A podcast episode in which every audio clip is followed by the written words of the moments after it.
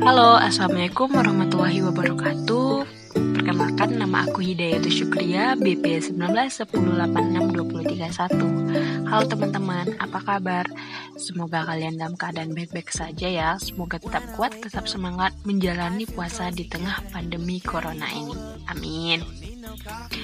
Oke, hari ini aku bakalan ngejelasin pemahaman aku mengenai teori retorika ajakan yang merupakan bagian dari materi percakapan dalam teori komunikasi. Nah, jadi eh, dalam dalam percakapan itu ada beberapa tradisi yang dikaitkan. Nah, salah satunya itu tradisi kritis. Nah, dalam tradisi kritis mengenai percakapan ini ada beberapa teori lagi yang dibahas di dalamnya. Salah satunya yaitu teori retorika ajakan. Hari ini aku bakalan ngejelasin pemahaman aku berdasarkan apa yang udah aku dapat dari dosen dan dari bacaan yang aku baca. Pertama, aku bakalan ngejelasin tentang tradisi kritis. Apa sih itu tradisi kritis? Nah, berdasarkan pemahaman aku, tradisi kritis itu adalah suatu asumsi yang memperhatikan adanya kesenjangan dalam masyarakat, di mana terdapat dominasi kelompok tertentu yang membuat kelompok masyarakat lainnya itu menjadi lemah. E, contohnya itu seperti feminisme, itu merupakan bagian dari tradisi kritis. Jadi tradisi kritis ini membahas tentang kesenjangan-kesenjangan yang terjadi di sosial di masyarakat. Seperti contohnya eh, pemerintah tidak mendengarkan aspirasi masyarakat. Itu termasuk dari bagian dari tradisi kritis. Itu kan merupakan kesenjangan juga kan. Nah gitu. Jadi masuk ke teori retorika ajakan. Kenapa sih teori retorika ajakan ini masuk ke dalam tradisi kritis? Karena dalam teori retorika ajakan ini eh, adanya eh, apa sih kesetaraan gitu di antara di antara para pelaku komunikasinya. Di mana saat berkomunikasi, saat berbicara, saat menyampaikan ide atau gagasannya itu mereka menghargai pendapat dari orang lain maksudnya bisa orang-orang yang mendengarkan apa yang kita ucapkan itu boleh menerimanya ataupun menentangnya. Itu keputusan itu hak dari mereka. Nah makanya teori retorika ajakan ini masuk ke dalam bagian dari tradisi kritis. Nah sebenarnya teori retorika ajakan ini apa sih? Jadi Teori retorika ajakan ini digagas atau dicetuskan oleh Sonja Gavos dan Cindy L. Griffin. Mereka lah yang e, menggagas terbentuknya teori retorika ajakan ini. Lalu teori retorika ajakan ini apa gitu kan?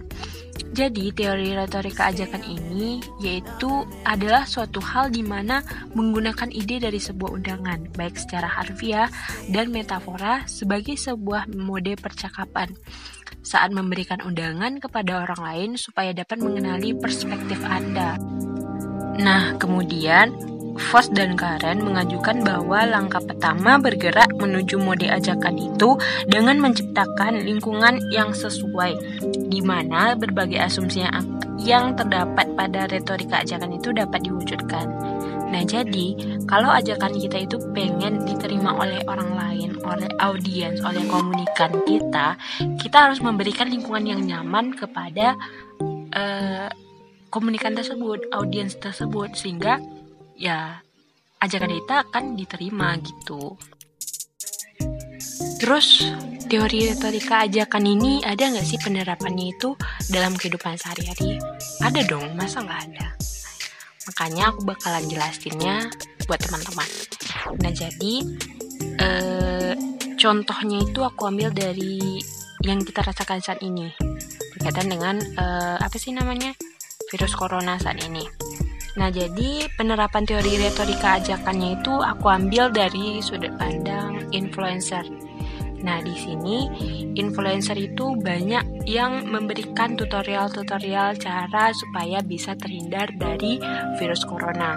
Nah, undangan yang mereka berikan itu berupa mungkin mereka memberikan video di live di Instagram ataupun membuat uh, video TikTok cara uh, tutorial-tutorial berbagai hal gitu kan. Nah, itu merupakan undangan yang mereka berikan kepada audiensnya, kepada para pembaca, penikmatnya, pendengarnya, penyirsanya. Oke, itulah.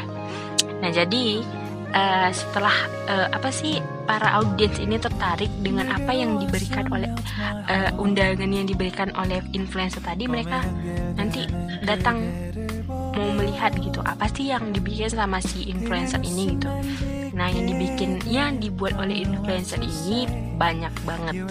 Mulai dari tutorial cara bikin apa sih masker bikin hand sanitizer uh, cara merawat kesehatan, menjaga kesehatan, cara membuat makanan yang bergizi dan sehat untuk terhindar dari virus corona banyak banget yang dibikin sama influencer itu untuk mengajak uh, apa sih mengajak para audiensnya itu juga ikut melakukan hal itu gitu loh supaya mereka dapat terhindar dari yang namanya uh, virus corona.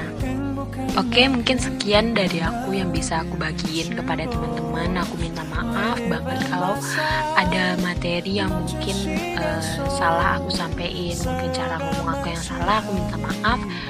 Dan aku juga mengucapkan terima kasih kepada dosen aku, Bumia dan Bang Ongki yang udah membimbing kami, terkhususnya aku, eh, untuk mempelajari tentang teori komunikasi ini juga kepada teman-teman yang udah nyaksiin dan dengerin video ini. Makasih banget. Terus um, udah itu aja. Terus juga kalau ada yang mau komen silahkan komen di kolom komentar. Dan jangan lupa tinggalin jejak dengan like video ini ya. Terima kasih. Dah assalamualaikum warahmatullahi wabarakatuh